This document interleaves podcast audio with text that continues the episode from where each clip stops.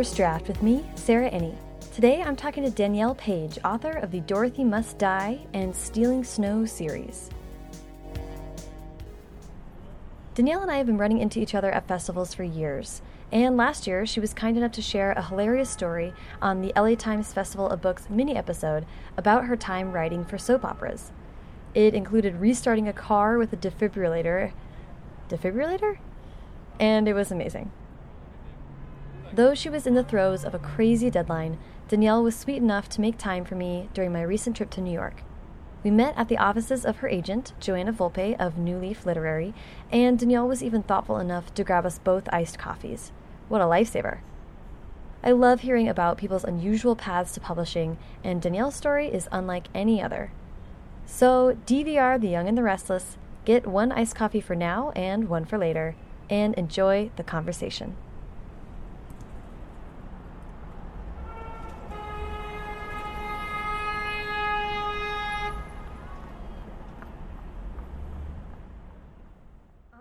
So hi Danielle. Hi Sarah, I'm so excited to be here. I am so happy we can finally make this happen. I know. We've been trying for like a year, I feel like. I think so. and I feel like I see you like at things and we don't get to talk enough, so this is good. And we also have um we have coffees. So if you hear our um, our iced coffee sound, that's what, what's going on. We have to be uh, you know, springtime in New York, we have to have iced coffees. And I just have a continuous IV of coffee in general as a writer. Like it's I think it's, It's- very important. Um, so as you know, we love to start. Um, I love to start these interviews at the very beginning, which is where were you born and raised? I was born in uh, Columbus, Ohio, um, and I lived there until I was five, and then I was raised in Atlanta. When did you come to New York? When For college, I went to um, I went to Columbia. I applied to a bunch of schools that I thought would all be journalism. Like I Mhm. wanted to become a journalist, and that's why I went That's there. the place yes. for journalism for yes. sure. And then I kind of took a, a left turn. yeah, okay, Yeah. well we'll get to that. But first, I want to ask, um, growing up in your family and in your young life, how much did uh, was reading and writing a part of growing up? Huge. I went to the library every week, um, and I would get as many books as they would allow you to get. My parents were big readers, um, and um, I yeah, I just it, always. And then writing, I wrote my very first story when I was six years old, and I don't know if you did this when you were. But did you have to do the wallpaper covered good cardboard thing where they did a little story, like you had to write your own story and they, they bound it for you? Totally. That was like my first story. It was a princess and a unicorn, and I was just in like I knew I wanted to be a writer at at six, and I don't know who told me that to being a writer meant being a journalist, but that's what I translated it into. But at the time, I knew I was smitten, and I never actually wanted to be anything else. But I think that the idea of being a novelist, like, is like that seemed like a very far away thing, and even as a very young person, I somehow compartmentalized that away from me, which is weird. Do you think, I mean, how did, I'm really curious because I also studied journalism, much for the same reason, where I was like, I just want to write, where can I do that? Right? And it felt like this kind of practical way. yes. Because novel writing felt so fantastical. I've done like one of those. Have you ever done those like career surveys, like what your type of personality type things? Mm-hmm. And I think I I- I have a kind of the type A personality, even though I'm a creative person. So I think I'm an a- achiever in that I thought I needed a path to get to that thing, Mhm. and it doesn't like the idea of being a novelist seems like this like dreamy thing that you get to go do, and I I, I needed someone to tell me these are the steps that you take. I was that kid who like I was maybe in eighth grade and I got this book about how to get into an Ivy League school because I'd made this decision then. So I, I, I had a path mapped out and if I didn't have a path I don't think I knew how to get there. So Dang. Yeah. Okay, so in eighth grade, you already knew you were like, I want to be a journalist. Yeah. That means I go to Columbia. well there, there were I, I actually had a list of schools. Columbia Northwestern, um, UNC, USC and um, I think my safety was like was Emory because it was in my in my state, and I got into every school, and then I couldn't decide between Columbia and Northwestern because they were both great journalism schools, and Columbia didn't have an undergrad. Um, so and they only have the grad school, so you have to go to grad school if you wanted to do it. But it's only one year, so I decided on Columbia. But at the last minute, now Yeah. I think they might have an undergrad for for, but then they did not. Like they they don't they have an undergrad writing program Mhm. and they have an undergrad English major, and I, I was an undergrad English major, and then you just do one year of journalism school on top of it. Oh, so so when you did decide ultimately to go to Columbia, you were like, I'm in for the undergrad. And then I'm just going to go to grad school there. you were like, five, five year Yes, plan. yes, I had the plan. Yeah. Yeah, so Yeah. And, and I was like just the super like I just was so sure this was the way to do it, and then Oh I didn't end up doing it. So That's so much research and forward thinking for being so young. I don't know. I just I was so sure, and I but I did not know a way to do the other thing. Like it, Right. so, and I also I think the idea of storytelling. I wasn't a kid who was writing like fan fiction every day mm-hmm. and writing creative stories. I didn't know how to do that, Mhm. and I didn't give. I don't think I believed that I could like do that for a living. And so it wasn't until much later that I started writing fiction again. Like I would have little ideas and I write little things down, but I never would like finish a story. Wow. What were you doing? Were you finding other ways to write in like high school and stuff? I, I was like I as part of the five the the ten year plan at that point I was editor of my junior high paper, editor of my senior high paper. Um, when I went to college, I was editor of like the fashion magazine. I like I news read at the radio station because I wasn't sure if I wanted to be broadcast or Mhm. print. So I wrote all the time, but I wrote like nonfiction things, and I and I loved interviewing people, and I loved talking to people, Mhm. and I liked the interaction. That part of it was always really fun for me. yeah. And I also had this kind of like attraction to like the idea of doing something broadcast or like doing being the center of attention in some way. Right. You've met me. So I joined the 4-H club and ran for 4-H president. So because if you're in 4-H club, you get a microphone every week and you get to do a speech in front of the entire class every week. And I know nothing about I can't even tell you Like, what the you like what the? H's are now. what the? But I did. I got to be in front of the class, and I wanted it so badly. That's So- amazing. Okay. Why don't you get me to how you did come to some creative writing, and Sure. then I want to talk about how all the stuff you just talked about kind of ties into your creative process. Right. Uh, yeah. So I, my senior year, of my junior year of college, I took two internships. It was junior year, and there's a binder at Columbia for the entertainment stuff. And I stumbled across one um, from a guy who graduated from Columbia, who uh, worked at Guiding Light, the soap opera. And when I saw that, I was like, my mom watched Guiding Light, and I watched Guiding Light, and um, my sister watched Guiding Light, my grandmother watched Guiding Light. So I got my first internship was a paper magazine, and I got that right away, and I was really excited about that because high paper magazines is super hip. And but yeah, so I so I saw this in a binder. I went on an interview, and I said, "What if I do three days? Like I think I had three days a week of paper, and then I, I will take all the other days to something fun." Mhm. and random, and that's what the soap opera was. And so I went for the interview and I got the job, and it was in the writer's office.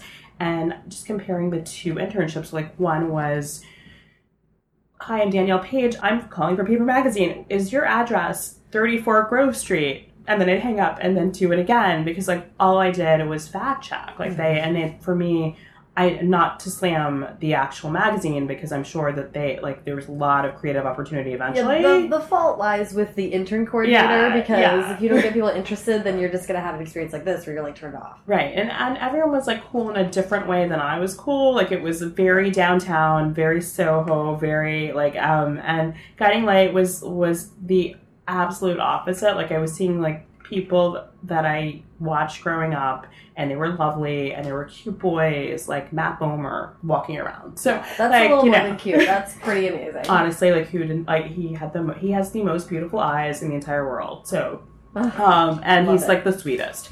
Paul Wesley from Vampire Diaries, like Hayden Panettiere, like it was just all these like soon to be famous people Mhm. that were lovely. And the internship itself was in the writer's office, and I would do a different kind of research where you would research fun things. And like I helped to put together like we wanted to have like just a, a master Bible of it was a continuity stuff, but just for the writers. Like there's a, a producer who does that, but but they had like they just wanted to have an in-house Bible. Like this is the character, this is their bio, Mhm. and this is all the stuff they, that's happened to them. And it was an and I did a like a spreadsheet thing and like put all the stuff in it. By and- the way, when you have something like Guiding Light, that is a lengthy bio. Right. So, but that was and and the and it was like for all the characters, Yeah. and that was my summer. Like, Yeah. and the um the writer's assistant who um later became my editor was amazing, and she loved me and was so like it was just the best summer, and that was my summer. And then if I got to do any other research, it would be something fun like you know um doing like calling a medical person or like doing something for a story or like it was really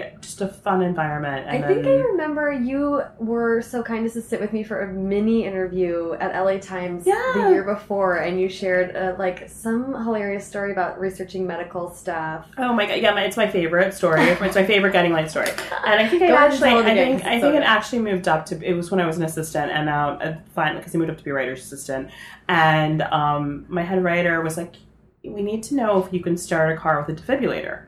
You know, like as one does, right? What a question. and and so they have like nurses on call. Like there's like a service and i think that, i'm sure that other um, tv shows use this service. And so i called the nurse and i was like can you start? And she's like i don't know. I don't know anything about that. I was calling mechanics. I spent the entire day doing it. I found the answer is no you cannot. And it's something about amps and volts and like though it just does not work. And then i went up to my head writer and like i found the information. You can't do it. I'm so sorry. And then she looked at me. She's like oh, we're gonna do it. It's a soap opera. I was like, then why did I look it up? but it was awesome. It's like still like my favorite. I love, I love that story. That's amazing. Yeah. Okay, so this is so interesting to me. I Well, still okay. never answered your question, actually. Um, yeah. is- Yes. Okay. So then, so while I was taking this internship at Guiding Light, I also decided my my internship got extended for the rest of the year because my like we needed to do the show Bible thing, so or this like I guess character Bible thing for the writer's office, and also again the writer's assistant loves me and was so kind, and she was a total mentor to me and still a friend. So I stayed on, and um, while I was doing that, it's like I, you know what I should take a creative writing class. I've never taken a creative writing class, so I finally took one, and it, and there were three parts of the class. You did um, poetry and then there was um, fiction, and then there was uh, dramatic writing. Mhm. And I loved the script writing part, and I was surprised by that. And you had to like you within that one quarter, you had to like write a little script, and it's like I love this, and you write scenes and stuff. And I was like, and at the same time, I was I was working at Guiding Light, and I I think the two things together, it made me think, well, maybe I could maybe I could write scripts or something. I never thought about it, and in the way that soap operas are structured, it was a safe way for me to move into a different Mhm. place because creating the story itself is not on me. It was that there was a head writer who creates a story, and then so you're still working for someone else. And for me, that somehow made sense. Mhm. Like it's a job, and I can do this, and I can figure out how to do that. The head writer will create the story. They break it down into they have breakdown writers that write the story like into like separate into individual days, and then you get an assignment. Mhm. So I found out all that from working there. I was like, well, maybe I'll do that. And it was like this crazy, crazy idea because I, at the time, I didn't really think about like how few script writing jobs there are. And I lived in New York and like I, you know, I was Yeah. moved, prepared to move to LA. But to me, it was like I could get it, I could do that. And I found out what script writers made and I found out what journalists made. And Very key. Yes, and it made a really, and also I had just the best time. Like things, all the things together, and it's like, you know what, I'm gonna maybe try this. And when I graduated, instead of going to journalism school, I took a job in the production office at Guiding Light, and um, I moved my way up. And I, you know, watched every episode and read every script. I think within six months, I was a writer's assistant, and then by the time I was 24, I wrote my first script. Wow. Yeah, so, So this is so interesting to me. I love that you sort of are like clearly a creative person, but you have in you something that I can relate to strongly, which is there needs to be like a path. There Yes. needs to be like like I love that you got this opportunity to do guiding light and then it was like this creative process, but but you could see how it was broken down in like a practical application. I, I think we're plotters, not pantsers in Yes. life. I mean, Yes. I honestly, I do. And I think it, it was not until much later that I had to figure out, oh, wait, the writer hustle. Like, I didn't, I actually had this weird path that worked. And even though I worked really hard to get there, I did have like a track to get Mhm. to being a script writer. And it happened for me. And um, also, there was soap opera writing school. Like Procter and Gamble had a program, and they paid you to. They wanted young people to start writing soaps because the demographics were a little older, and so anyone who wanted to write, like the editors chose them. But there were like seven of us, I think, from like our show, and then As the World Turns, and then Another World, I think, was still in the air. And so we took a class at, at Procter and Gamble's offices with the head of development, who I quote literally in every panel I've ever had because he gives like he gave the best advice about soaps. That and writing that I still use today, and I will tell you in a second. Awesome. But we, but I took soap opera writing class, and that was like, and like, and every week, a different writer would come in and like this we'd practice writing a scene Wow. we get notes from other from other soap writers and it was really just like amazing and fun and like, i didn't actually start writing um, scripts for real until like the next head writer writer i had who actually had gone to columbia she's like she met me she's like i think we should like try to let you write and it was like on day one when she met me and i had a lot of other head writers before but she's the first one we talked for a bit she's like i think it's time for you and i started out by writing like the scenes and like when shows came up too short i would Mhm. write the scene to fill in and they like then an editor would look at it and fix it and i'd rewrite it and give it back to her and then i would that's how i started How funny. I, and then I started writing vacation scripts when people were on vacation. Mhm. Um, and my very, very first script was um, written with my head writer. She like co-wrote a script with me, and um, I, I skipped my best piece of advice Yeah, um, from yeah. soap opera class. So his name's Bill Graham, and he was the head of development, and he said that every scene should end in a bitch slap, metaphorically or or physically. or literally, I think. Um, and I literally I quoted it and like I, what I did a keynote, like whatever I do. It's like I think it's great advice. I think because he said that every you have to end in a way that you want more and you want to know what happens next, Yes. and like you have to arc towards the surprise. Like you Mhm. should not where someone is at the beginning of the scene is not where they should be at the end. yeah. So I feel like because it, it denotes progress, it has all the elements, and it's a fun thing to say. But I Yeah. I still believe it. Like I think it works. Like I do believe in. It's like yeah. Oh my gosh. Okay. Well, let's and let's break down like when you're talking about writing a soap opera, you're talking about like, and um, applying this to sort of thinking about novels, right? It's Yes. like you have a, a large cast of characters, intersecting storylines, a heavy focus on dialogue. The ability to sort of, I think, when you are inspired by movies and TV, you are a little bit. It comes a little more naturally to you to end a scene Yes. because I think sometimes aspiring writers have they like want to wind all the way down. It's like you have to go with your character until they fall asleep or something. And it's like no, no, no, bitch slap and cut. Yes.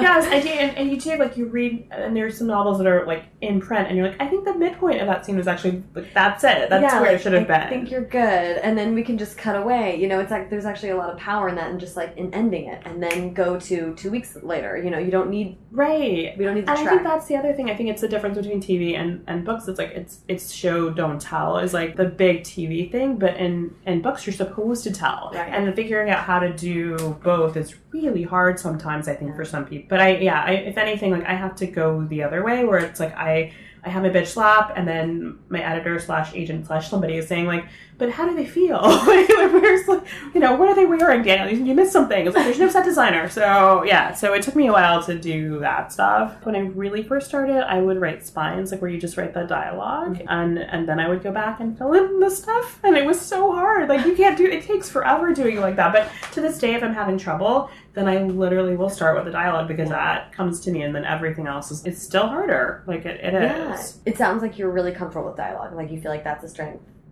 Yes. Yeah. Do you think that's because you started with Guiding Light, or do you think that was always? I used to write scripts for my bar- Barbies. Like I was like it literally, my mom thought that Barbies weren't necessarily the most constructive use of our time. Mm-hmm. Like she suggested scripts, and so that's I, my sister did not do the scripts. I did, yeah.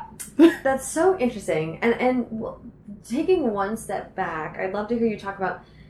I can't get enough of talking about how different types of writing involve inform each other. Yeah. So what do you think about like I, I it strikes me even that you're talking about like the transition of being kind of bored about talking about student government and daily news kind of things and then going to fashion where you really do have to like it's editorial writing like that's a whole different thing too it's a lot more narrative it's taking the like inverted triangle or whatever that journalist stuff is I forgot about the making it- triangle. Oh my god, the triangle, the Betamax.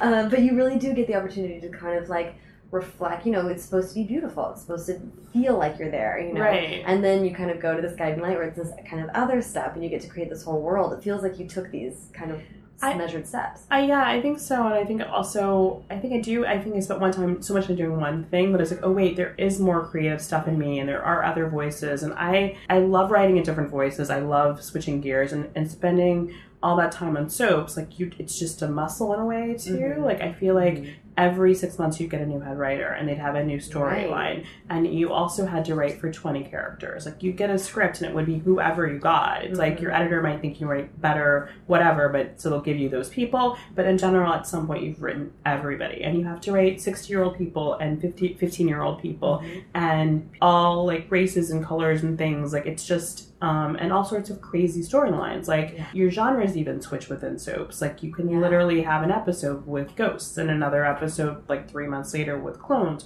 or you might just be in the kitchen having an affair like i think i was also very reluctant to move into fantasy even though I literally love that stuff. Like, I grew up, like, I love Star Wars. I loved all those things, but I didn't think about me doing that. And somehow I think that it's a different world now for girls growing up. But if you look at the YA section, there's just so little there, and there was so little fantasy there, and there was just like Sweet Valley High, and what else did we have? Like, it was Babysitter's Club. Babysitter's Club. So I think that I had this idea that that girls write this, and I don't think that it even occurred to me on top of everything else until later that I would like me as a fantasy writer, and I wasn't like I was a kid who liked fantasy, but I wasn't a kid who was like I wasn't in that place where I was reading big fantasy books. Like I Right. wasn't like that wasn't for me. Mhm. I didn't think. Mhm. And now I'm like I have to catch up on all this like canon of stuff that I never like. I love Game of Thrones, but my best friend in college was reading Game of Thrones. Like, what is that? Like, and I was like, Right. this is the best book ever. He's never gonna finish it.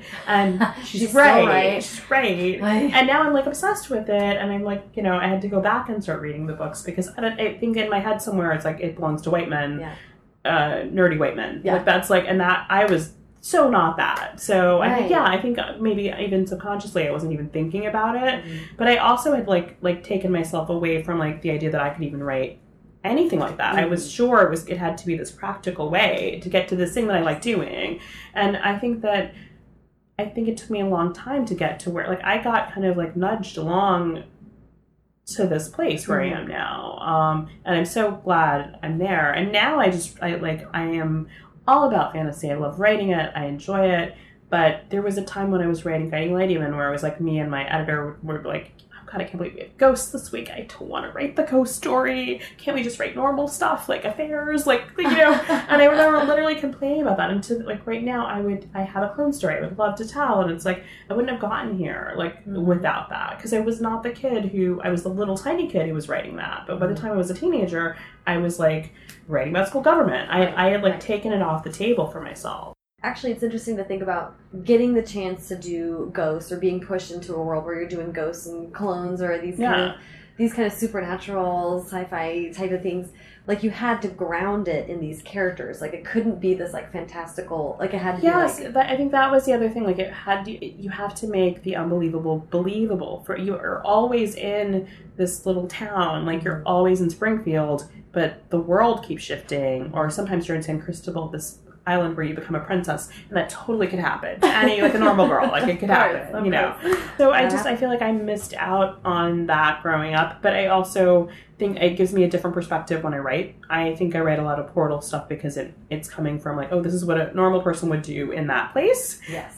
That's my access point. So um, I was gonna say that it feels like you have a way of grounding the fantastical. Right. So yeah. So my next series is going to be the first series I've ever done that just starts in the fantasy world and stays in the fantasy world, and that's going to be harder. Interesting. Yeah, okay, well let's me. let's build to that Okay. a little bit. Um, you're at Guiding Light. You're getting to finally Write scripts.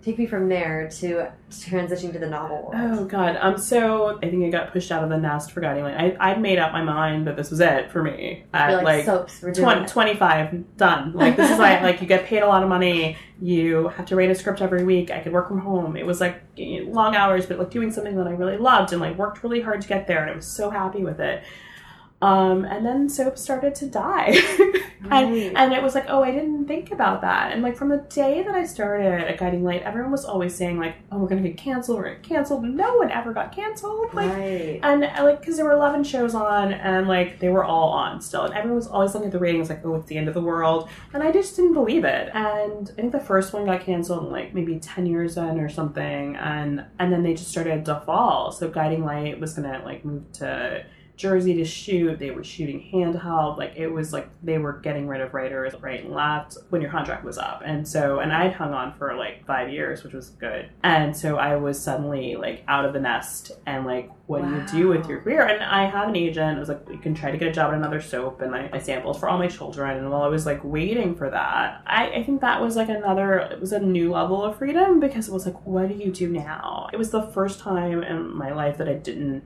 have a job from college. And I was 29. I had hustled in the sense of like I'd stayed at the office until seven in the morning with my head writer. I had not like I'd missed my friends. I did all the stuff to get to where I wanted to be, but I hadn't ever had to look for a job. Right. I felt so old, even though I wasn't. Right, right, right. and I felt like so unprepared. I felt like, oh my god, soap scripts don't matter. Like my agent from everyone said, you have to write a new script. It has to be for TV. It has to be like a about a show that's already a spec, and you have to do that. And I couldn't do it right away. Like I was just, I think I was so like stressed out. I started writing a One Tree Hill script. I like half finished it. I was like going to turn it into all those. There's a lot of white writing programs that you can uh, for women and minorities like at the networks. I was like also like concerned with just getting a job right away. So I had to first do the stuff for soaps to try to get a job on another soap. Right. But there were 11 soaps and then suddenly there were four. And so there are five script writing jobs a soap. So there were now 20 jobs. And the fact that I had one of the 50 jobs, like, Wow. never really occurred to me until Right. that moment. And I had the feeling then that, and I, I think honestly, like storytelling has become much more soapy in prime time. But at that moment, I did not get that and did not feel that there was a place for me. And I didn't get that from my agent or from anyone not my current agent. Yeah. But I didn't get that from anyone in my the circle that I had. It's like life is like you need to start over. Like Right. that all those years don't count. Can And- you? I, I really because I, I would love to hear you define soapy because Uh, I use that word too, and I'm like, and I know what I think it means, but I'd love to hear like you're the, the resident. I think expert. I mean I think it's like it means melodrama, um, which I'm okay with. I, I actually believe in like the heightened reality, and I think it's like a step above that. Mhm. Usually, it means like passionate, juicy, juicy mainly, like delicious writing. Like it's fun, and there's like Yeah. a, an element of of that. Um, it's sort of like there's like an indulgence in feeling. Yeah, like we're just gonna be dramatic and everything's gonna be at eleven and Yeah, people are and- gonna wear amazing clothes and it's like like just style it up, and that means style up the emotion, dial up everything. Mhm. and have fun with it. It's also, I think, very female. There's a little bit of disposability, and that you know that you're. It's tomorrow is a new day, no matter what. And one of my absolute favorite things about soap writing and soap characters and soaps in general is there's a feeling. There's a feeling that there's always a second chance. Like no matter what type of character you are, you get another day because Mhm. it's never-ending storytelling Mhm. and you, there's a, a, a possibility for redemption in a way that doesn't exist on other shows because you're around forever. I kind of want to try this and see if this works Okay. as a question. Something in my head is really stuck on the soapiness. I think just because I've been thinking about that in stories, like I'm so obsessed with. I was obsessed with Ugly Betty. I, love, Ugly Betty. Jane the Virgin, like Oh the shows that are trying to take the campy Yes. melodrama and translate it for an American audience, I just think are, they're doing really well, Yes. and they're so fun. And and I'm just really compelled by what you said about there being a unique feminine quality to the never-ending storytelling that seems so interesting to me. I don't know. How do you think the soapiness or that kind of stuff factors into YA? It seems like a more friendly environment for that kind of storytelling. I guess for me, I've moved from an all female world to an all female world. So I've never, I, I feel like this is my experience. But I mm-hmm. do, like, when I look at Hollywood and I look at what's outside of it, you're seeing the absolute opposite. But it's starting to bleed in. And you think of, like, Shonda Rhimes and Grey's Anatomy and then. Scandal. Which and Scandal and like boys love this stuff. Like, but I think that like I think that everyone likes a soap opera. They just don't want to admit that they like a soap opera. Like I think that we like House of Cards is a soap opera, Yes. couched in this like Super serious. it's political world, but they kill people and then get away with it. You yeah, know? and strategize and mustache twirl. and, and yeah, so I think that there's something I don't know. I think there is something inherently female in the it's we we kind of own that storytelling, yeah. and now it's everywhere, and we still don't have the the power. There's like things like like Scandal, like Shonda's got her block of stuff. I mean, in television, there's probably more opportunity for women writers and more opportunity for women actors Mhm. that are actually they're stars of shows and stuff, and even women of certain age are still being stars, and I think that's expanded so much in the last few years. Mhm. But movies, I think, have gone the other way. Like I feel like when I was a kid, there were all these rom coms, and while it's not the perfect ver- version of a woman, they were box office smashes. And you got a portrayal of women like all summer, every summer, and they made the same amount of money and less budget. Like it's like they're, and now it's just all franchises with one one girl. And I like we get the one chick in like the Avengers or whatever, and she doesn't even have a real story. Mm-hmm. And I love her, but like I'm waiting. Like, will that Black Widow movie ever happen? Wonder Woman coming out is like such a big deal.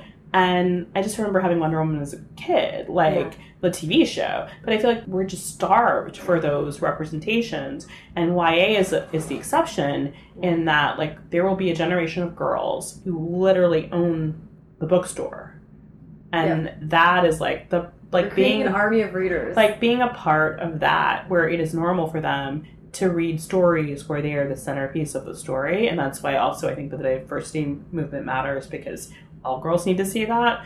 I just i think that there's something so powerful about that. And i think that there's also a new generation of writers mm-hmm. that have sprung up because of that because there are girls who believe that women write stories where women are in power and they've never seen anything different unless they went to the movie theater which they don't even go to anymore That's super interesting, and I'm gonna we're gonna come back to that. But you were in the middle of the point before I Oh, yeah, so you. I don't remember what I was talking about. Um, uh, you, no one in your circle was telling you that TV was getting soapier. You just no, I literally had a friend tell me that you know what, you should take a break and get a job in retail and date more. Like literally, a Oh friend, yeah, a writer friend.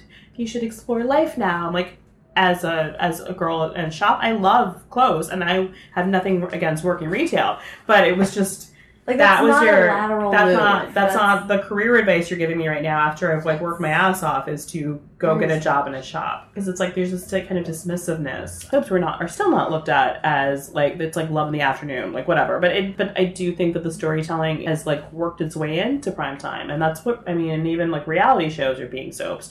And for a long time, they were soaps were like the cornerstone of like the Writers Guild in, in New York. Like that's where people made them. Mhm. Like there was so much money in it because of women watching and the advertising dollars. And so for me, why did they die? So there's like a couple of theories. Like women stopped working from home, Oh. which is definitely a factor. Mhm. DVRing things, so people started taping things that they watch at night, and they watch them, and they wouldn't watch just the Instead of soap because they were just used to like tape your soaps and watch them later. Right. So I think people started watching primetime things at night. The industry itself, the cost, once they were the ratings were less, they're expensive productions Mhm. in the sense that you have a cast of 20 actors, you have all these sets, you have all this stuff. It, and then the other theory is the OJ trial. Was the first time that soaps went off the air for like eight months to a year because they because it was they were airing it. Coverage. They were airing it. And wow. networks discovered that people would watch something else that cost less. What if we put more things on that were just reality based? We could save you don't have a cast, you don't have writers, you just Mhm. have you just pay the normal people to be people. Let's put in some more put on some more talk shows. Let's Yeah. do and and get the same like same level of ratings. Like I was gonna say because that's around the time of the View and all these. yeah kind of so and they so like after the trial like i think it was the beginning and then i even the writers would strike a few years ago was like right after that was when guiding light finally went off the air and also when like to live all my children like that was like the nail in the coffin because Yeah. then for a few months like the quality of those shows went down and the negotiating power i think behind staying keeping it on the air like things just kind of fell apart but the ones that are on are still on and i Mhm. hope that they stay on and i still watch like i still dvr young and the restless oh my god That's amazing. Yeah. Okay, thank you for explaining. I had no idea about any of that. That's amazing. Yeah, That's know. interesting. It's like so it, like who would know, right? But yeah, it was such a weird time. So anyway, so I, I went into my hustle period of Yeah. like, what do you do next? And so I was working on a script that was hard to finish because it wasn't it wasn't guiding light. Mhm. I hadn't written anything else outside of guiding light while I was at guiding light. I had friends saying like, you should write a book, you should do this, you should do something else on top of your you know, it's like I have a life now. Actually soaps still take a lot of energy yeah. in that you have to like write 80 pages a week and you have to read the other scripts all of that took a lot of time i didn't feel like i had room in my head for another story and i didn't do it so when i when i left there i had like a 100 scripts and no one wants to see them Wow. And okay, so it was like- like kind of your whole everything you worked for was not even like translatable to the jobs that were available. right so then i had to just try to figure out what was next and um, one working on specs to i went in for an interview for um, a TV show called Made. It was they like would take a kid and make them over like like a normal kid wants to be a, like wants to enter a beauty pageant, and then a beauty pageant person would come and like teach them how to be Totally beauty. Yeah, remember remember that Yeah, show? definitely. So like it's been on for like eight years or something, and I go in for this interview, and this guy is like so nice, and I wrote like a sample and everything. I'm like, I'm sure I've got this. I have to write a script for this. If I can't Right, get right, this, right. I can. And I always knew that I wrote like my editor always like write good teenage voices, and I always loved writing for teens.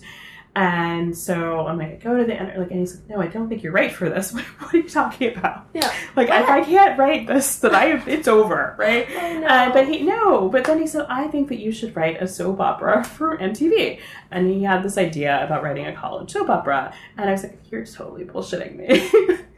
but really nice of you. Bye. You know, Yeah. I was like, Thanks. I would love to do that. We would be in touch like every year. He would like call me in, and like we would uh, talk about it and how he wanted to do it, and like yeah. um, and then I got this phone call, and he was like, "Yeah, we're gonna do it. So um, here's like five thousand dollars. I want you to write just the just write a treatment for it, and like just like write the characters, and then we'll go pitch it."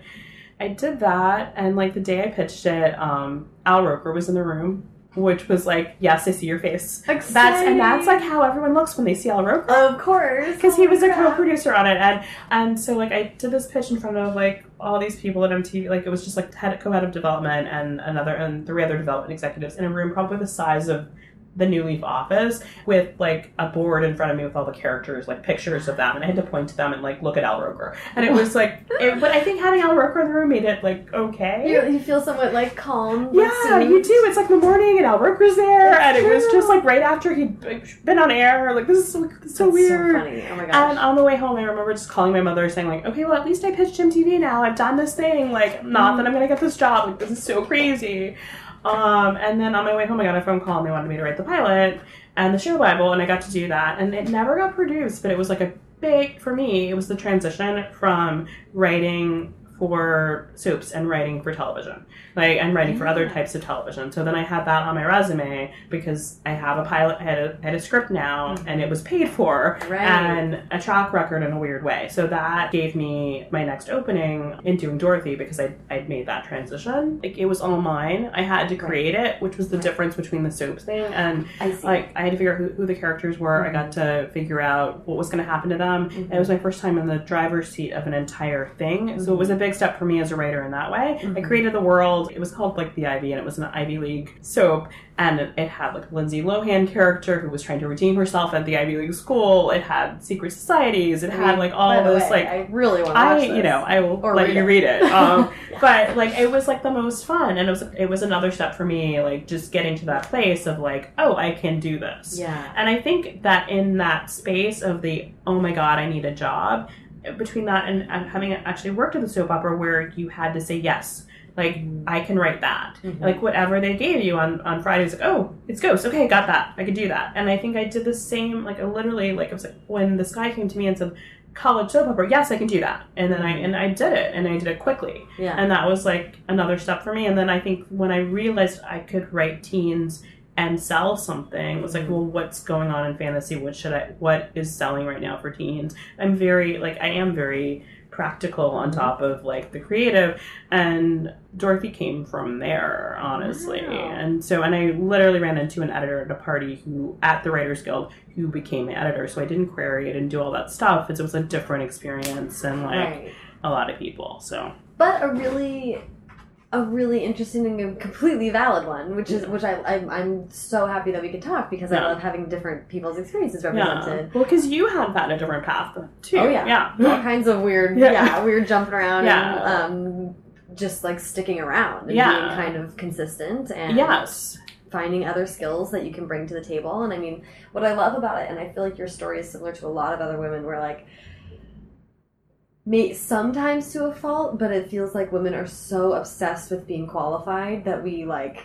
Well, I mean, think you had an enormous amount of experience by that point. Like, you're way overqualified to tell stories. Yes, yes, but it was. I think that there's that moment of like, can you tell your own story? Totally. And I, I have other writer friends who've spent a long time writing for other people, and they they also had that thing. I think the idea of being the creator and being in charge of your world is something that not everyone is like 100% comfortable with and i mm-hmm. now i like crave it i pitch stuff i like if i'm not writing the book that I'm writing, if I'm in LA, it's like I want to go. Yeah, t- send me out. I want to meet with people. I have this idea and I want to talk about it, Yeah. and I'm excited about it. And I think that you, it's like breaking through that wall. But mm-hmm. I didn't do that until I was 30. It did not even occur to me, and every step's been like kind of a surprise. And that oh wait, I can I can do that. Yeah. Yeah. And now I like sound like like the super cocky person. I'm like no, I can do that. I can do everything. You know. But but I I I think that like I didn't know that at six, and I know it now, and I feel like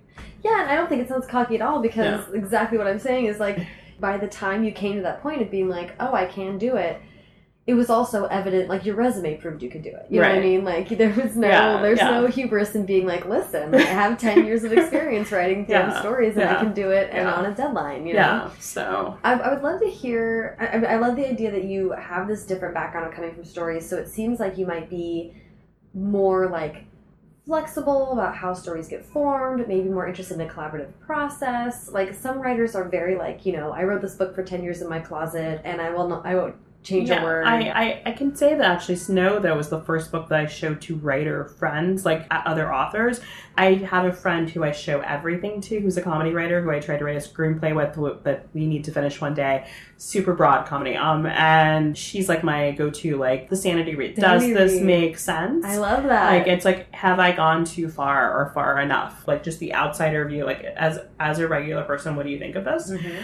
but now i i send to my my agent i send to i am open to I'm like i will send something early to my editor and say like what do you think of us doing this and we'll send a note like i'm i'm open to that i think that a good idea is a good idea Yeah. and i'm willing to take it not steal it but if i'm being Right. given an idea then i will i will take that Mhm. because why not i want Yeah. the best book that i possibly can have Yeah. um, So, so talk me through. Um, you started to tell a little bit about um, the origin for coming up with the Dorothy world and what you wanted to do with Dorothy. So Dorothy, I wanted to know what what happened to Dorothy when she goes back to Kansas, and like, like I really, really feel like she would want the magic back and the friends back, and like, what if she got really petulant, and like wanting to go back to Right. and so from there like something else bad happens to her that makes her like turn darker but once she was dark the whole world got dark Mhm. and like and i also like the idea of like what if you because there i think there's a lot of stories where a character goes dark and then the friends are like oh my god why did you go dark like like let's stop like intervention time Right. but I like more of like the Voldemort idea. What if you took all your friends with you? Like, you know, what if everybody joined that squad? There mean like there is a mean girl phenomenon. Like, what if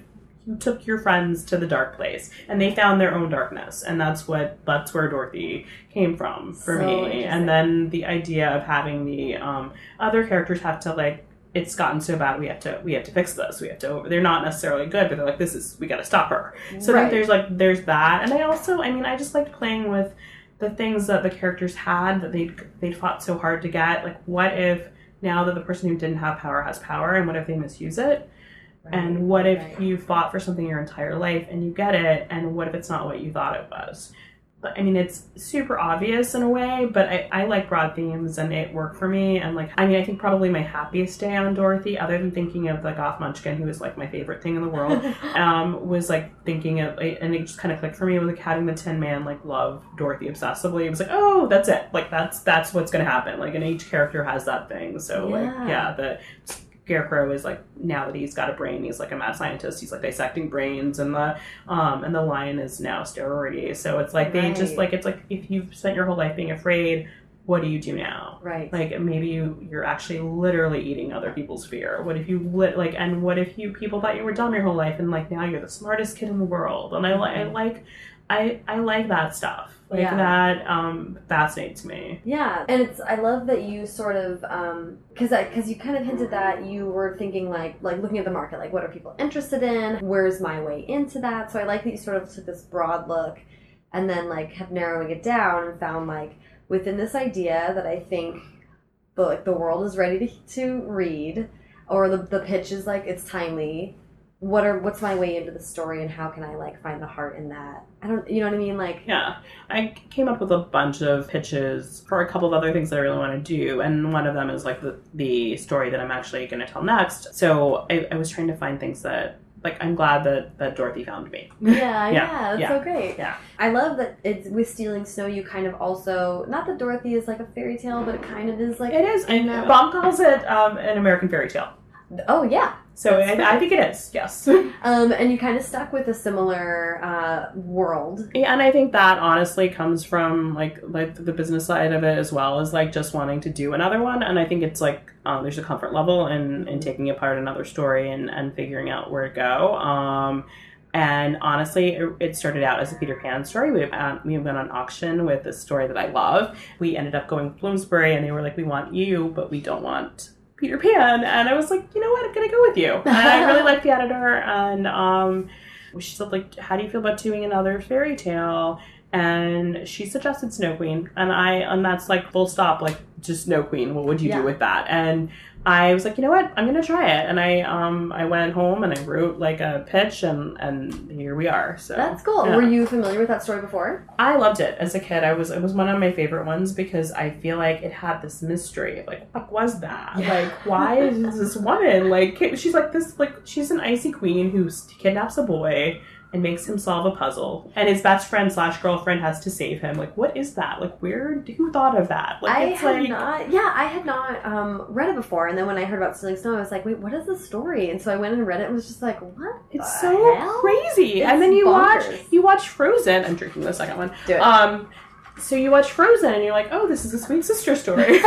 Okay, which I love. But honestly, in watching that, I really, um, I- well, I think the kids should see the teenage version of like what it would really be like. Like, what if you don't have a sister to save you, Mhm. and you found out that you had this power? What would you What would you do with it? Yeah. And I think that that is like that was the heart of it. But then I I went to my own crazy place with it. So um, Well, I want to Yeah. I want to delve into that a little more because Yeah. you did go again. You found a way to sort of take a grounded look, like the portal story kind Yeah. of concept. Well, she first of all she watches the soap opera. Yes, I had to do it. I've been wanting to do it forever, and the end of almost was my yeah, it was my soap my soap title. I love and if I never get to make it, then I've done it. It's like it's, it's in yeah, it's in there. there forever. I did that in a book of mine. Um, I came up with this band name, and I'm not oh going to say it because I'm I so want to obsessed with it. it is in the this I've written it now into several books because I'm like this is getting in there. I'm like Yes. this fictional band like that I came up with when I was 17 having no musical talent. I'm like this is the only way it's ever going to be I love that. um so funny. But so you have this grounded kind of portal story into this sort of whack it's like a wackadoodle world to begin with. Yeah. Hans Christian Andersen, I think. right, Yes, is yes, fun. yeah, and I totally like. I, what I did was I followed the the girl in the first story has to find the boy that's been kidnapped. So I use that as the same journey for Snow. Like she Yes. starts in this, she gets to go on that. She goes to the same places that Gert eventually would have to go to find him. Although the story's taken some twists and turns, it's not exactly mm-hmm. going in that the exact, the exact same direction. But hopefully, I'm going to get to the kidnapping. So Yeah. Mm-hmm. yeah. The the how how do you feel working with original material is really tricky. Like trying to like do you stick to it? Do you illusions? Do you want it to be so obvious? I mean, it's tough when you're kind of and you're compared to fairy tales have been rewritten a whole bunch of times. You're kind of entering this tradition of retelling a story. Yeah, and I don't think that I like when in doing Dorothy, I wasn't so aware except for Wicked, Mhm. and I wasn't really thinking about like like how am I going to stack up to other people who've done it, and and that like it didn't actually occur to me that I'd made Dorothy evil uh, until the day before the book came out. I mean, like that. I was actually the title of the book is Dorothy Must Die. Like it just really that day, like before. And I remember my um, editor saying, like, do you want to like you know use a like use a pen name for this? Like this is your career. It's like why? Like, it was just. I'm gonna if I'm writing a book, I'm gonna own it. It's my book. Yeah. You know, and um, but yeah, but like the night before, I was like, what the hell? Like, what did I do? What if people are really mad at me? so your editor was like, people are gonna be like, he was like, yeah, you know, people might not have a good reaction to the idea. Like, I'm like, nah, it's fine. if I'm writing, like, I really was like not thinking about the, how big the Wizard of Oz world is Mhm. because it, the Wizard of Oz is everywhere, people are and there are people really. really like it. really, really still, and it's Yeah. like I was really into it as a kid. Like I, it literally was that movie that I watched every time it was on. Like my mom would ask me, like, "Why are you still watching this?" And when the book came out, I got to say, "Mom, look, look, look, I got it," you know. But it was worth it. But yeah, it was a siren song for me, and I. But I love. I think that's why I could write it because I loved it so much. right. And I didn't Right. really feel like I was doing anything wrong because it was like I love these characters. and I'm doing this thing that's evil but fun. Like it, it all fit within character for me. Yeah. Um, I think that I forgot your question. Oh, it was um oh, it was the same kind of thing. How do you work with original material, make it your own, but kind of like Oh, I think that that was like one thing I can say is like right before I read the first Dorothy, I read um Cinder, Oh. and I love Marissa Meyer. She was like the nicest person to me. She like did an interview with me the day before my book came out, and she didn't even know me. Like I wrote her, and she like agreed to do That's it, so and it was like it gave me advice, and it was like she gave me like a fairy tale blessing. I felt like by doing that. Mhm. But I read her book, and I was like, oh my god, she can. If you can do Cinderella in space. Then I can do whatever the fuck I want, you know? Mhm. And I felt like it gave me this weird license of like, it's okay to go that far Mhm. as long as you hold like she still has the shoe like, she still has like there's certain Right. things like i think there are things within stories that you want to hold on to because otherwise why did you even do a retelling you could literally like i could write a story that doesn't sound anything like cinderella and say it was based on cinderella Right. but i think that if you're marketing that way then you have to give the audience those touchstones Well, there's something, there's some kind of a like, and this is going to sound really goofy, but it's going to tie in. I was watching the Fast and the Furious the other day.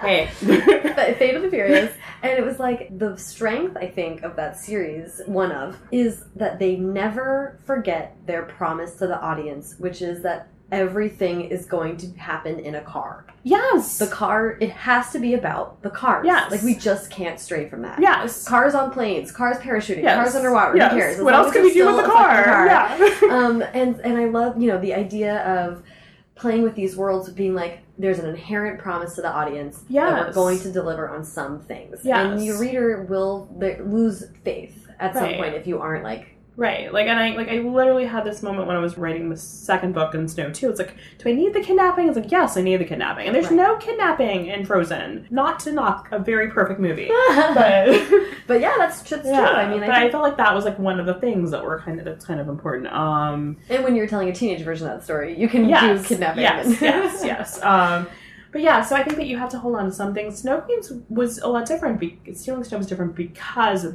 there is less to hold on to in that really weird story, and it's not as part of the world. Like people Mhm. are more familiar with the Frozen story than they are with the actual Snow Queen story. at that's true point. now So I I had a little bit more freedom, but it was also harder in that like how do I structure this? And that like I used Gerd's journey and made that made me have a structure. And also I don't know where the mental hospital came from. I don't that's just I like the idea of a character like starting in a place of having no knowledge of who she was. Um, and also I kind of like the idea of a character who actually wasn't as much a part of the real world either. So she kind of has she already was in an isolated world um, was where she say- wasn't sure of things, and then she goes. So I, I think that that like it's her finding her way out of all of that, and I think that's like that's where it came from for me. Yeah, to me, it struck me as like when you have a character where she's questioning reality to begin with. So then she's thrown into this alternate dimension. She's like, yeah, cool. Yeah, Like, yeah. this so doesn't that- seem any weirder than whatever else I've been dealing with. And she's in a mental hospital watching soap operas. So then she's like, yeah, yeah, this level of drama, sure. Yeah. Why I think that, yeah, and I think that like with Amy and the fir- and Dorothy, it was like this was a kid who had a really tough life, and I wanted to know what that kid would do in her in the in the Oz world. And I The- think that- not like uh, glassy eyed yeah, like she's not gonna like honestly like I've seen Dorothy, I've seen Wizard of Oz like ten million times, and like every time she's gonna sing like ten minutes after you know she dropped a house on someone, and she doesn't like cry or anything. so true. so I would cry. That's so true. That'd be messed up. I mean, you just you just kill somebody, and there's like people singing around you. It's like I would freak out. Yeah, you. uh, That's such a. I literally never thought about it. She's Yeah. like enters this new world. Someone's dead, and everyone's singing about it. Yeah, and like they're just What do I really happy about it. And, like, and then you're gonna go do what they tell you to get home. It's like, yeah, just follow that road. It's like, Like, really? sure, Is there another road I could take? when you really think about it, it's like. So then I just wanted to have a girl go there and like say like, what is happening? oh my god, I love Yeah. that. So, um, so one thing I re- I'm really interested to hear about is the process of. It seems like you are very structured, like you said, a plotter, not a pantser. Yeah. I'd love to hear about how you structure from the beginning, like what kind of your process is to structure it, and also how you deal with the inevitable changes that come when you really get into the document. So I usually try to write the first five chapters like freely, like Mm. just so I'm kind of a just so that I get the characters down. Mhm. and I get a feel for the world. Mhm. Like I think I like for Dorothy, I got through to like bad things happening to my munchkin, and then then I go back and I um I plot. And I plot all the way to the end, Mhm. and I don't. I don't go do anything until I like got it figured out. Um, How detailed? Snow was not as detailed as Dorothy's, and I think that was actually a problem. I think it was it was, it was harder. It's harder. Like synopsis level, No, I, do you get I- chapter by I chapter? do chapter by chapter. Oh, yeah. yeah. and I do. I actually get get a board, get the post-its, so like do a TV style. I, I think of it as three acts. Like I do TV structure, which could also be screenplay structure, Yeah. and I just map it out like Mhm. scene, and and I call them scenes instead of chapters. Mhm. I literally do the whole thing. Yeah. and it could it, like the actual description of each chapter could be a line, Right. but it it lit I have everything planned and then I start writing and then I change things within the chapters like all the fantasy elements of like I don't necessarily see what's gonna happen except like you know they're on a train or something and like then later I might add like fire wheels to the train or like whatever you know like so whatever crazy thing like comes Yeah. to you when you're writing it like so the the like but that's like the dressing I know they have to get from point A to point B in that Mhm. chapter and if it's emotional stuff it's just like like emotional stuff happens here yeah, sometimes yeah. like, but everything has like I, I try to do that and then in terms of changes like the second the first snow book i was going to kill jagger who was one of the loves of snow and instead i killed somebody else and but i kept rewriting at the ending like it just wasn't working and i was like i don't know why this scene isn't working Mhm. I don't know why. Like it's like this big scene, and she's gonna freeze him to death, and like and like it's just like all her reasons for freezing him just don't really make sense. I mean, he did a bad thing, but not really like a freeze him to death thing. And like I Right. was just like, and I can't even get her there emotionally. And then that was when I was like, well, she's actually she should be more mad at this person do this really, really, really bad Right. thing on a more personal, emotional level because Mhm. like Jagger double crosses her. He's a robber, and he's told her he's a robber from the first day she met him. So why would you kill him for being exactly what he said he Right. was? And he like so yes, he always wanted to steal something from her. It's like yes. And like then if she kills him, it's like, well, you're really not either not so bright or not like Right. you weren't listening. And it was like audience. It's yeah, not, it's yeah. a disproportionate response. yeah. So and I and I just could not. I kept trying to work through it, and I and I figured it out. So that was like probably my biggest example of making a big change. Um, given that you are, and I and I love that. I like that's something that I feel like is like the superpower that you bring from your path from TV to scripts to books. It's like knowing structure is such a huge benefit, I think, and I love that you can do that. But then when you have a structure and something, and that this road bump happens. Do you ever feel like, I mean, some people call that writer's block. I feel like you kind of were attacking it in a more logical way. Do you ever Well, I feel like, oh that- no, is this book just broken? Or Yeah, I don't ever go to the broken thing, although I, I could see how you go there, but it's more like I think of it as a puzzle that mm-hmm. you put all the pieces together, and then sometimes you just have to keep moving things around until you figure it out. And I honestly, like, early in my career, I don't think, oh, like, in my book career, I did not, like, phone a friend, but now I do that. Like, I if I'm stuck, then something's wrong, Mhm. and I need to talk through it. And I think even actually, like, saying it out loud to someone else and trying to tell the story to someone else, you might get it yourself, or the other person might hear it. Like, they'll be like, oh, wait, no, you need to do that. Yeah. And so, like Snow, Kami Garcia, and and Kass Morgan read it because I had this thing where um, my editor wanted a longer, like a longer battle scene, and I was like, "Is this too long? Like, what is like? It feels like a lot is happening. Like, it was like Mhm. like you know that Hobbit movie where it's all that all like it's all battle. Like, Yes. I was rewatching that to think of other things you could do in the ice. Like that's like it's like I feel like I've done enough now, and I just I sent it to both of them, and but not because I wanted them to read the whole thing. I wanted them to read those chapters and tell me have I gone too far. yeah. And in, like instead, they both read it, and I love them for that. And they gave me other advice, which I used. And I don't think that there's no such thing as a, an actual broken book. I think that you can go back and Yeah. there's got to be good stuff in there. So Right, there's a reason why you wanted to tell the story. There's got to be a way to fix it. Um, Yeah. And sometimes you personally don't have the answer. And I think that like the thing that I think a lot of debuts do is hold on to a book for so long. And one, honestly, that might be why the book is like the most amazing book because you worked on it for so long. But then sometimes I think that you're holding on to something and you're not trying the next thing. Yeah. And like maybe the next book might be actually your genius book and you needed to get through this to get to that book. When I meet young writers and I'm like, I'm just I can't get through, I'm stuck on this part and I, I need to fix this. I'm like, or you need to move on. Like you need to like just finish it Yeah. and like send it give it to someone else. And while you do that, like start something else that you love.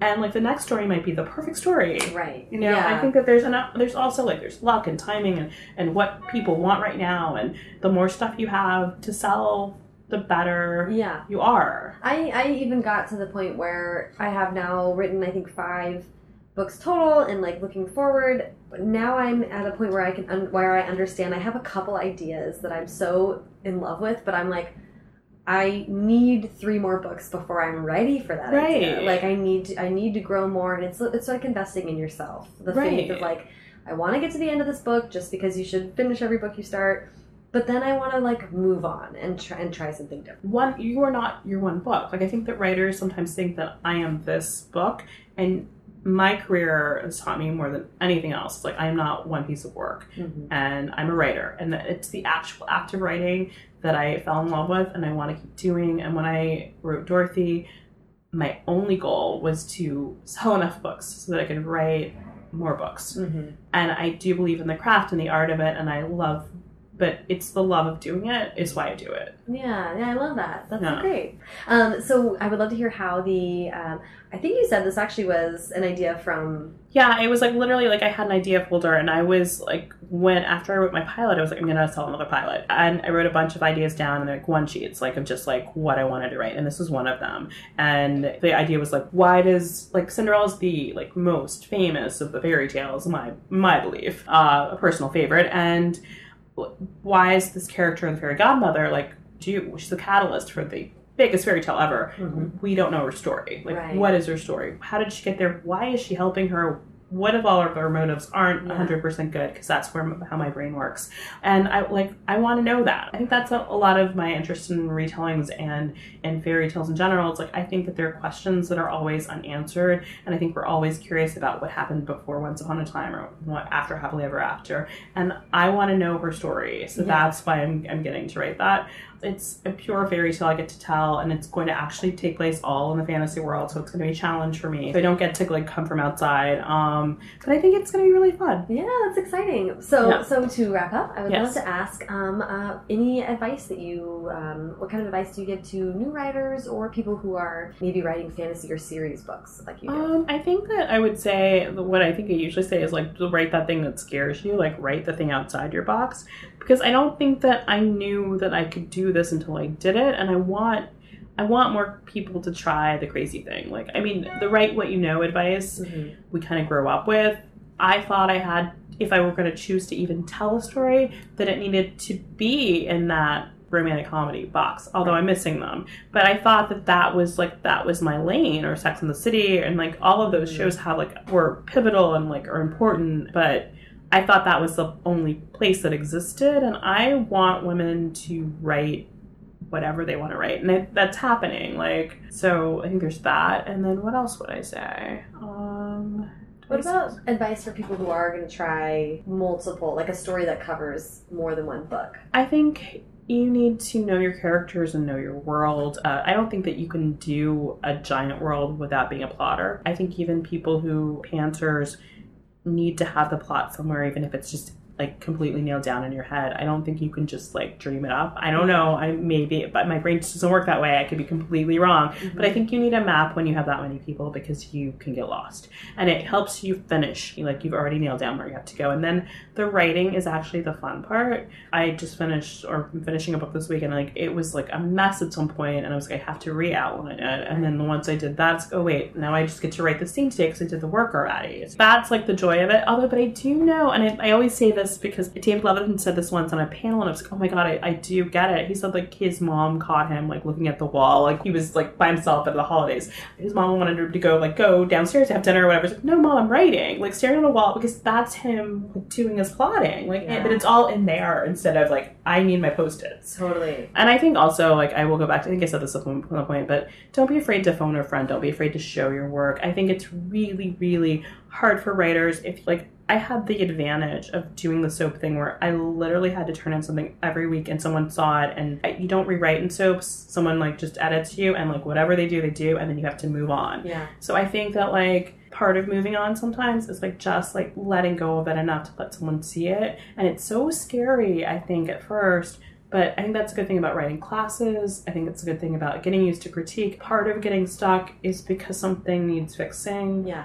And if you can get that information, then you can keep going. But if you just hold it in and keep it to yourself, like it's hard to keep going. you And you're just like gonna sit with it and like try to come up like and I know that there are lots of people that do fix things themselves but sometimes it's faster and you can keep going and, and Sometimes the obvious uh, solution is so in front of you that you can't see that. yeah and I and, and sometimes someone might have this idea that you never would have had that really really helps like elevates the thing and so I mean I think that books are obviously they're part of you and it's so personal but it is going to go out into the world and you want it to be the thing that you want it to be but sometimes getting some input from outside Yeah. can help Yeah, I love that. Well, Danielle, this has been so fun. so much fun Thank, you so much. this is great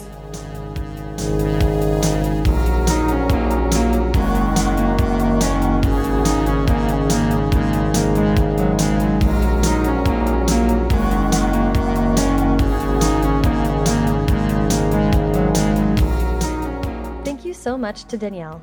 Follow her on Twitter at Danielle M. Paige and follow me at Sarah Enni and the show at First Draft Pod.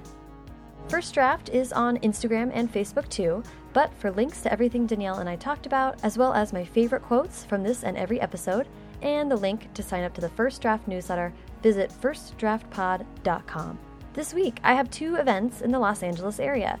Today, July 11th, I will be celebrating the release of Julie Buxbaum's newest What to Say Next at the Barnes & Noble at the Grove. This book, you guys, it made me cry and it made me laugh, and Julie is the best. Also, today, today, today is the release day for Because You Love to Hate Me, an anthology featuring tales of villainy, for which I wrote a short story. Buy it now! It is out, available for you now.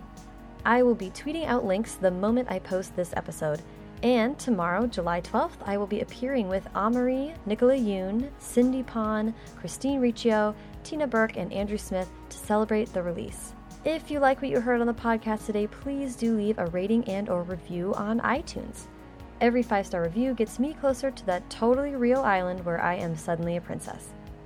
Thanks so much to Hash Brown for the theme song, and to Colin Keith and Maureen Gu for the logos. Thanks to super intern Carter Elwood and transcriptionist at large Julie Anderson. And as ever, thanks to you, heroes with questionable motives, for listening.